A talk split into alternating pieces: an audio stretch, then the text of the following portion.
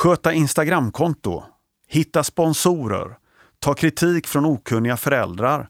Vara amatörpsykolog. Tvätta matchtröjor.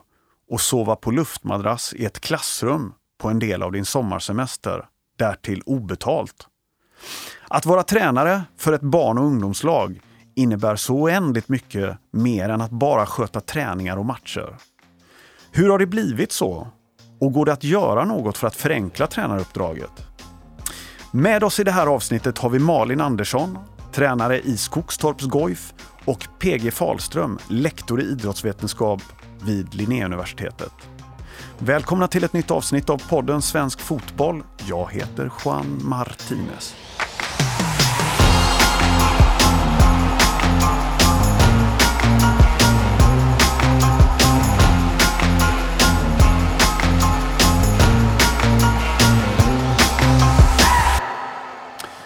Välkomnar vi Malin Andersson.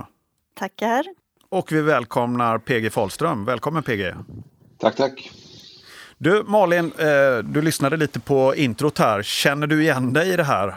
Är det något som du tycker stämmer eller är det överdriven bild? Nej, eh, jag tycker verkligen det stämmer. Det stämmer på allt förutom att jag inte behöver tvätta matchkläder längre. Det fick jag göra förr i tiden. Och man skulle till och med kunna lägga till fler saker i den här listan. Till exempel eh, är du villig att lägga ner tio timmar ideellt när de blir 12 år och uppåt?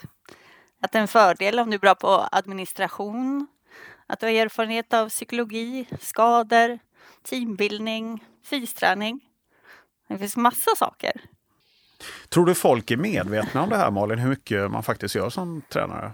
Känner du det? Nej, det tror jag inte.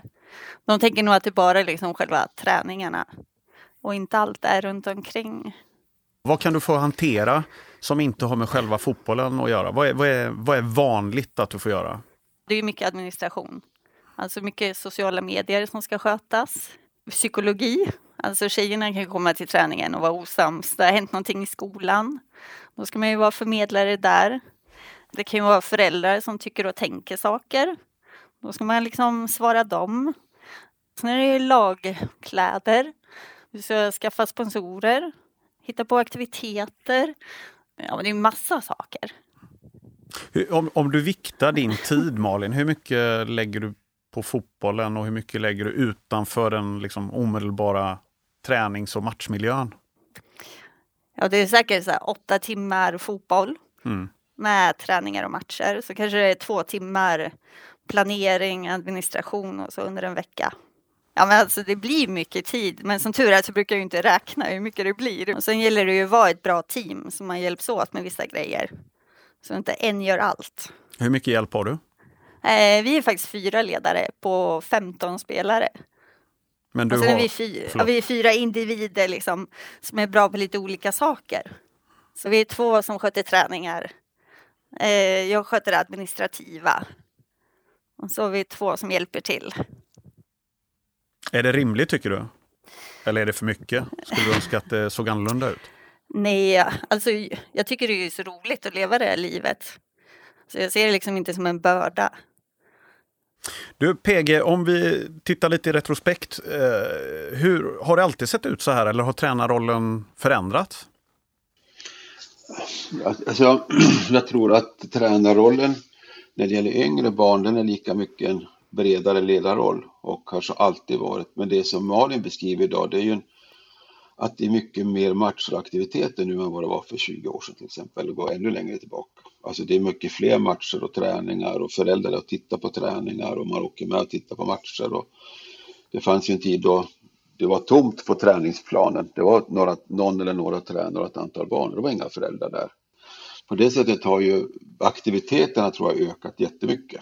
Det, det, sen tror jag att Malins beskrivning stämmer väldigt väl med hur den breda erfarenheten ser ut, att det är väldigt mycket saker som ska göras. Och det, ja, du nämnde inte det här med att boka fordon eller hemmamatch eller fixa domare eller ordna, kontakta andra klubbar, du ska flytta matcher. Alltså det, ja, ska man prata akademiska termer, det är någon blandning av management och coach du är eller tränare du är samtidigt. Då. Mm. Det, och jag intervjuade en gång en hockeytränare, han sa så här, någon gång skulle jag vilja kasta upp alla bollarna i luften och så backa undan så folk fick se hur mycket man gör. Jag tror att många inte tänker på allt det där. Man skulle låta alla de där bollarna falla ner på marken någon gång istället för att hålla dem i luften. Jag tror att många gånger så inser inte folk hur mycket en sån som Malin gör.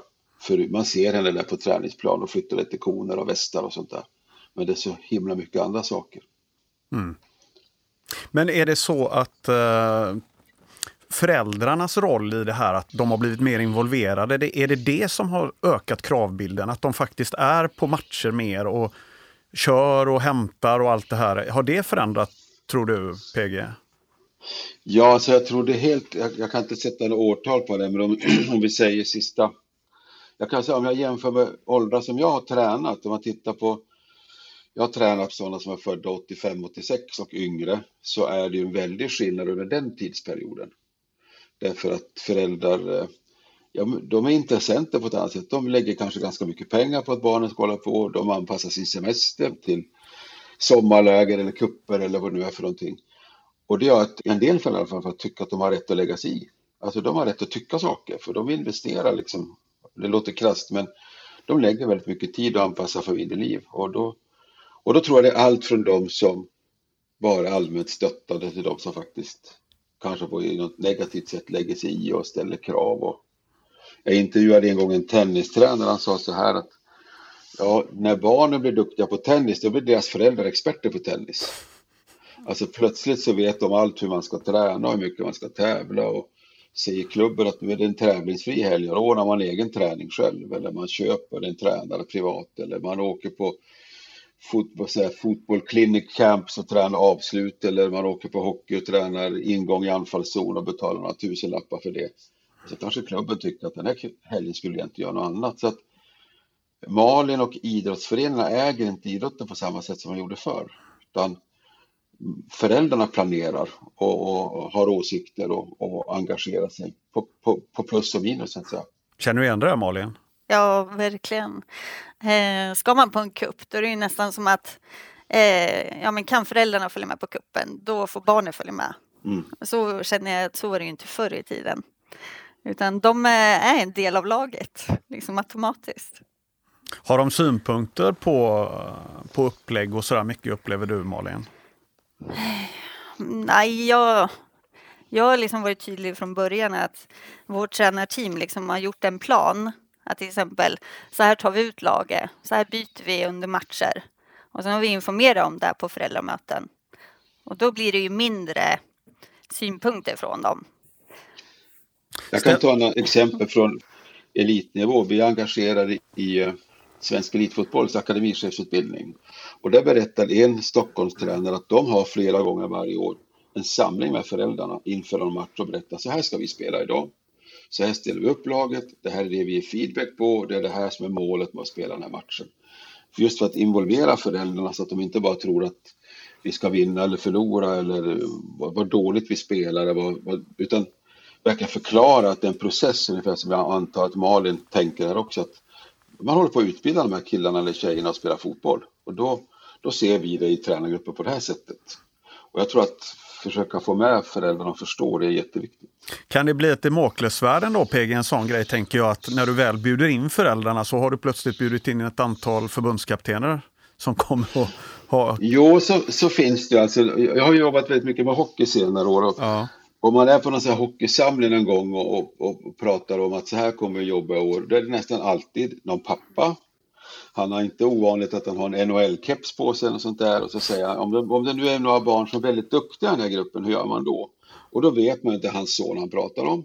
Och så att man får de här partsinlagorna, de som ser sina barn som Guds gåva på något sätt till, till idrotten då och som både har åsikter så och gärna vill driva för sitt barns skull och, och tro att de vet det som är bäst. Så det är klart att du har en massa läktarcoacher där som, som, som vill lägga sig i. Men jag tror att jag tror att ändå man ska tänka så att det här är ett familjeprojekt. Alltså barnens idrottande blir ett familjeprojekt så tillvida att man anpassar livet efter det. Och det gäller att få med föräldrarna i det projektet. Inte få dem som ser dem som motståndare utan de är med på resan. Men hur blev det så här då? Alltså hur förändrades eh, tränarrollen och liksom trycket på eh, tränaren utifrån? Hur har det blivit så här med den här kapprustningen, kommersialiseringen och plötsligt så säger man att man är kund. Alltså vad får jag för pengarna är det ofta man får höra. Och, Och här står ändå ideella ledare som jag och Malin då som är på fotbollsplanen tre, fyra gånger i veckan. Och... Vad säger du Malin? Du har mycket mer färsk erfarenhet av det än vad jag har. Mm, det är svårt att säga. Men jag tror att föräldrar ställer mer krav. Liksom att ja, men betalar jag den här medlemsavgiften då vill jag att det ska vara bra tränare. Att det verkligen ger någonting. Jo, alltså jag tror också att det är något sånt att i och med att de, det kostar ganska mycket att barn som håller på med idrott. Det är lite olika naturligtvis i olika idrotter, men det finns idrotter där det kostar uppåt 100 000 per år per barn beroende på vad man håller på med. Och det är klart att då, föräldrarna är huvudsponsorer på något sätt. Va? Det är klart att de, de menar kanske väl.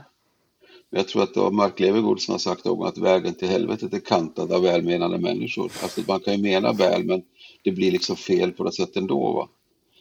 Och jag tror egentligen att de allra flesta föräldrarna är inte stora problem, men några kan vara väldigt energikrävande. För de tar mycket ork på något vis. Malin, har du något sånt där från föräldrar som sticker ut att du har blivit ifrågasatt eller eh, Ja men du vet, har du fått det där? Jag, jag har fått ett par samtal som jag liksom kommer minnas hela livet som jag känner bara, ah, det här var inte kul. Nej, nej men självklart, jag har fått ett fåtal. Mm. Eh, jag fick ett ganska nyligen, jag kom hem från en träning och jag kände mig helt lyrisk. Liksom. Jag tyckte träningen hade varit kanon, tjejerna varit duktiga och liksom övningarna flöt på. Mm. Och man kände att man fick massa energi. Och sen på kvällen så fick jag ett sms från en förälder som hade en åsikt om något som hade hänt på träningen. Och då är det ju som all luft går ur en. Det är ju jättekrävande liksom och tråkigt när det händer. Vad var det, det då? Var det en konflikt som hade inträffat? Eller? Nej, det var så här vi spelade på träningen mm. och då får tjejerna själva bestämma på vilka positioner de ska vara. Och då ifrågasatte hon, är det inte tränarna som bestämmer? Det gör väl inte spelarna? Mm. och då kändes det inte så roligt. Barnkonventionen kommer in där PG, eller? Ja, alltså, och den är ju lite gum, alltså den har egentligen alltid funnits. Den är ju lag nu, va? men egentligen har ju den hjälpt som en rekommendation så att säga, tidigare också. Och där säger man ju dels att barn ska ha rätt att, att påverka sin idrott. Man säger inte att de ska få bestämma över sin idrott, men definitivt ett sätt är ju som Malin gör, att de engagerar sig. Och, ja, men jag har jobbat som tränare jätte, alltså, det är ett sätt att lära killarna och tjejerna att ta ansvar för sin egen träning och förstå vad man gör och tänka vad vill jag spela. Men sen ska man ju alltid utgå från det enskilda barnets bästa och det tycker jag att Malin gjorde här. Alltså det här är utvecklande för tjejerna att tänka så här. Ja, det är ju så jag det, tänker i alla fall. Ja, precis. För de ska växa som individer och lära sig samarbeta och sådär. Ja. Och sen så skrev hon att ja, men jag kräver ett svar omgående. Och då känner man mm. också, ja, det är ja, inte roligt. I det läget, vad, vad, ska man göra PG? Alltså, jag kräver ett svar omgående. Ja. Jag har lust att säga som, som ideell tränare att hörru du, det här gör jag på min fritid för att din barn ska ha en mm. sysselsättning. Om du kräver ett svar omgående så får du vända dig någon annanstans. Jag, jag tror att här, här är det jätteviktigt vilket stöttning man själv har i den förening man är. Jag vet inte riktigt hur i Skogstorp kan jag tänka mig att det finns ändå någon sorts policies i föreningen och sånt där. Eh, jag, jag, tycker att i en drömvärld, eller den bästa av världar, eller vad man säger, då skulle även för er som ideella ledare, de som ideella ledare, finnas någon ungdomsansvarig, någon kommitté i klubben som backar upp och säger att det här som Malin gör, det stämmer med det vi säger. Precis det här, det här så här gör vi i Skogstorp, punkt. Mm. Och jag, jag har träffat på ungdomsledare där föräldrar skriver in och pappan och mamma, ofta är det ju pappor faktiskt, och så skriver som är jurister och åberopar föreningsrätten och säger att vi har betalt samma avgift, min grabb ska spela lika mycket som den grabben och, och så sitter man ungdomsledare och lägger sin fritid för det. Man kan inte svara på sådana inlagor. Jag vet, jag vet ju tränare som slutar för den här sakens skull. Att de, det, det, det, tar för mycket ork helt enkelt från det de vill hålla på med som är sin idrott. Mm. Du Malin, hur hanterar du föräldrar som du upplever går för långt i, i sin kravställan? Du tog det här exemplet med hon som ringde där, eh, mamman som krävde svar. Eller var det en pappa kanske? Nej, det var faktiskt en mamma ja, var det. Ja. ja, men det var ovanligt. Ja. Eh, nej, men jag svarade inte direkt, gjorde jag inte, inte den gången. Så nej, men det gäller ju att vara lugn mm. i alla fall. Och sen ha ett bra svar. Liksom och informera mycket på föräldramöten, liksom, hur man tänker jobba och sådär, hur vi tänker i olika situationer. Och då minimerar man i alla fall risken att de hör av sig. Ja, men så har jag faktiskt en snäll föräldragrupp. Så det, det händer inte så ofta. Nej, jag upplever att jag också har det, men ändå har det varit sådana här incidenter ibland. Jag hade någon kupp där vi hade en, en pojke som inte, ja men han orkade inte springa lika mycket som killen som var bakom honom. Den här pojken var högermittfältare och så var det en väldigt energisk högerback bakom. Och den här högerbacken han blev frustrerad över att han inte fick hjälp i defensiven ibland, så han började skrika och gapa. Och till slut plockade jag ut den här pojken lite för att skydda honom. Och han märkte ju att uh, den här pojken som jag tog ut och som inte orkade springa lika mycket, han blev lite frustrerad och sen slutade med att han ville inte spela sen. Och jag fick inte in honom i, i resten av turneringen så mycket som jag ville. Men alltså, gå in igen och så fick, vi får prata om det här i efterhand. Då. Men då fick jag ett samtal på kvällen som var ganska otäckt. Med att, eh, eh, pappan ringde och anklagade mig för barnmisshandel i princip för att jag inte hade låtit hans son spela lika mycket. Och jag försökte då förklara varför jag hade gjort som jag hade gjort. Och då kände jag att vad är det jag håller på med egentligen? Varför, varför, varför ska jag utsättas för det här? Mm. Ja, det är inte kul. Vad tänker du Pega? ju... Nej, men det är ju det. Alltså, på något sätt så nu drar man föräldrar över en kam. Jag tror att man måste förstå att de flesta föräldrar, de, när de yttrar sig, då är det partsinlagor för deras egna barn. Mm. Och de tänker på, de, de ser det. Och jag menar, självkritisk. Och jag har ju stått som förälder vid sidan av planen barnen spelar också. Man tycker ju alltid att de sparkar mest på mina barn. Domaren dömer aldrig när mina barn får smälla och sånt där. Så så är man ju, så tror jag vi allihopa. Sen är det frågan vad man säger och inte. Och det där, ja, det där är jättesvårt alltså. Det, jag tycker man måste förklara. Sen är det inte så jäkla lätt. Säg att man är en ung ledare dessutom och det är en vuxen förälder. Säg att det är en förälder dessutom har spelat fotboll. Då är man inte kaxig när de har åsikter om hur man borde spela eller hur man borde agera det är jättestora krav man ställer på ledare att klara av den situationen. När man egentligen har åtagit sig att vara, vara tränare i fotboll. Ska man köra med kontrakt som en del gör? Att man har en överenskommelse som nästan är juridisk om hur, hur man uppträder mot varandra? Alltså jag har tittat på det här ishockey för vi har gjort sådana projekt med några föreningar och då tittat runt på en massa klubbar. Det finns de klubbar som har kontrakt. Sen hur bindande de är eller inte, men då har ändå föräldrarna fått se att så här jobbar vi på det här sättet tänker vi när vi instruerar våra barn. Den här pedagogiska modellen har vi, bla bla bla. Och så föräldrarna skriver att det godkänner jag så att säga. Sen är inte det något kontrakt som gör att inte de kommer att skrika, men då har de ändå sett och tagit ställning till och de här klubbarna i alla fall upplever att det underlättar. Men då ska du hålla på och råda med sånt också då. Mm. Och vad gör du med de som inte skriver på? Får inte deras barn vara med då? Eller, alltså du, binda ris åt egen rygg var det jag försökte komma på det uttrycket förut. Ja, alltså man, man, ställer ju till det för sig på något sätt också, blir svårare och svårare att hantera. Så det som man egentligen skulle vilja slippa göra. Du Malin, vad var det jag tänkte på? När är det som roligast, tycker du? Att vara tränare? Roligast? Ja, men det är ju glädjen. Mm. Alltså den är allra, allra bäst. Jag kan ju ge ett exempel. Eh, ja, men så förra året så övade vi extra mycket på att ta djup, backarna skulle byta sida och sådär. Och sen när man gör det på match, alltså man kan ju få gåshud som tränare för en så härlig känsla. När du lyckas då med något speltaktiskt tänker du? Ja, exakt. Ja. Och sen i pausen när man berömmer tjejerna och man liksom riktigt ser hur det lyser i ögonen på dem av glädje. För de blir så stolta och glada. Det är liksom det bästa. Men då jag tycker är det... ett jättebra exempel det där. Mm. Jag brukar ta upp det ibland när jag pratar med studenter på undervisning om, om feedback och det här med hur ska man ge feedback. Då kan säga precis det som Malin tar. Ibland kan det vara så att den där tjejen slår den där passen, tar den där löpningen. Sen tittar de på tränaren, då räcker det att man gör tummen upp. De kände också, fasiken, det var ju precis det vi tränar på. Att, när det funkar, det är ju fantastiskt. Alltså att de själva också ser det här vi tränar på funkar i verkligheten. Det är ju en jäkla mm. kick faktiskt. Och sen att få se den här äh, utvecklingsresan som de här lirarna gör, liksom. både som individer och fotbollsspelare.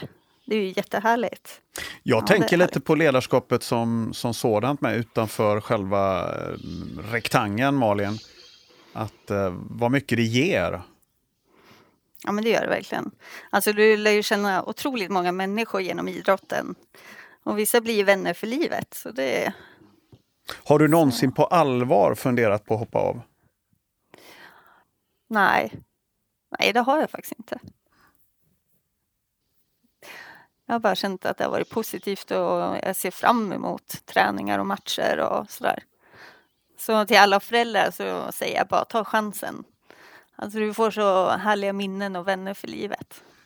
Jo, men så är det. Och titta, jag tror att, jag tror att vi, pratar, vi pratar om föräldrarna som något som vi ska ha ordning på. Alltså för föräldrarna tror jag barnens idrottande är jätteviktigt. Och då menar jag inte stereotypen att min grabb eller min dotter ska bli proffs eller ska vara bäst i laget. Utan det är föräldrarnas sammanhang också. Att många av deras bekanta, det, det är fotbollslagets spelares föräldrar som de lär känna genom sina barns idrottande. Och som de träffar mm. på kupper och sånt där.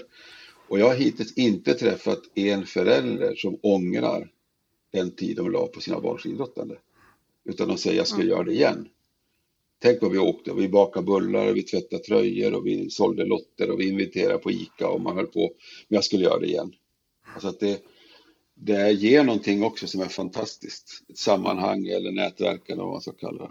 Jag brukar säga på julavslutningarna, jag har haft föräldrarna samlade, sagt tack för att ni är så dumma så att ni inte hoppar på det här, att, att ni har gett mig det här uppdraget.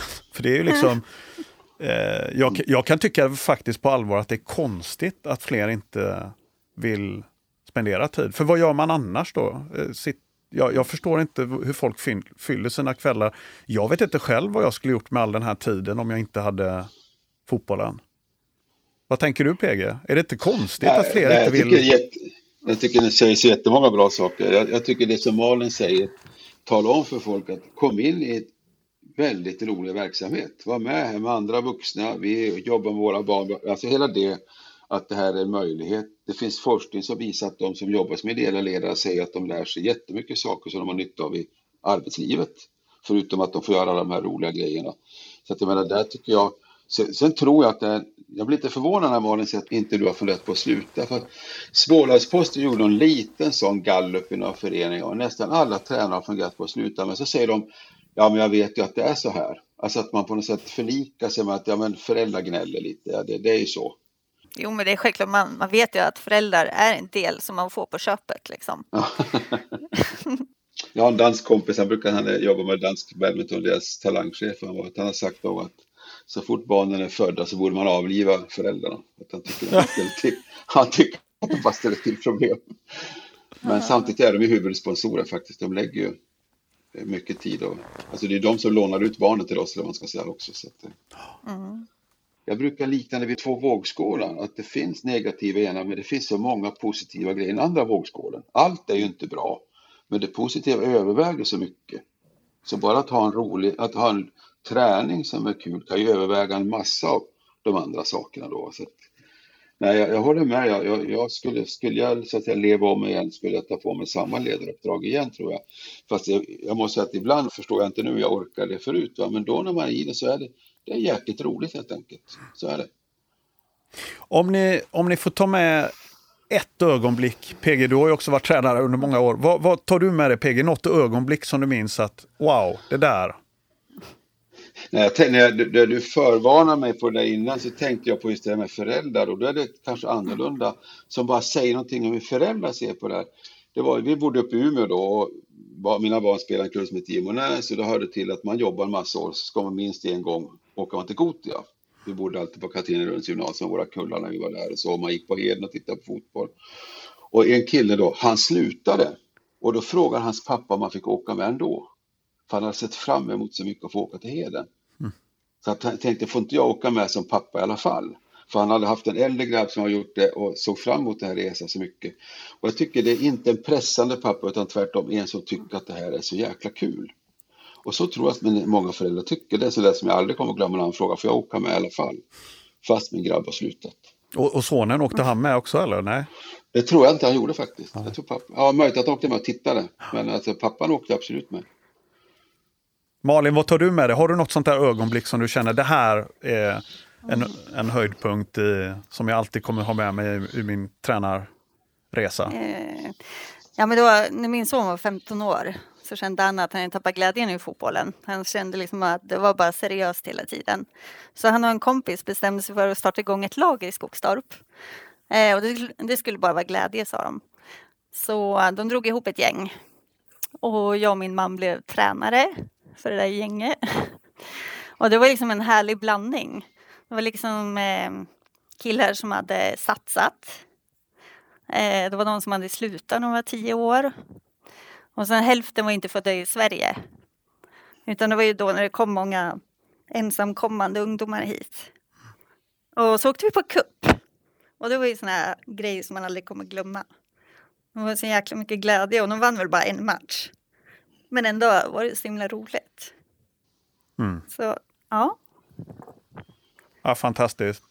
Hörni, PG Fahlström, Malin Andersson, mm. jättetack för att ni delade med er av era tankar och erfarenheter. Tack själv, kul att få ja. vara med. Ja, kul att få vara med. Du har lyssnat på podden Svensk fotboll med Malin Andersson, tränare i Skogstorps Goif och PG Falström, lektor vid Linnéuniversitetet. Har du några tankar, funderingar eller idéer som du tycker att vi ska ta upp i podden? Hör gärna av dig på podden at svenskfotboll.se. Det är tillsammans med alla er där ute i fotbollssverige som vi gör svensk fotboll lite bättre.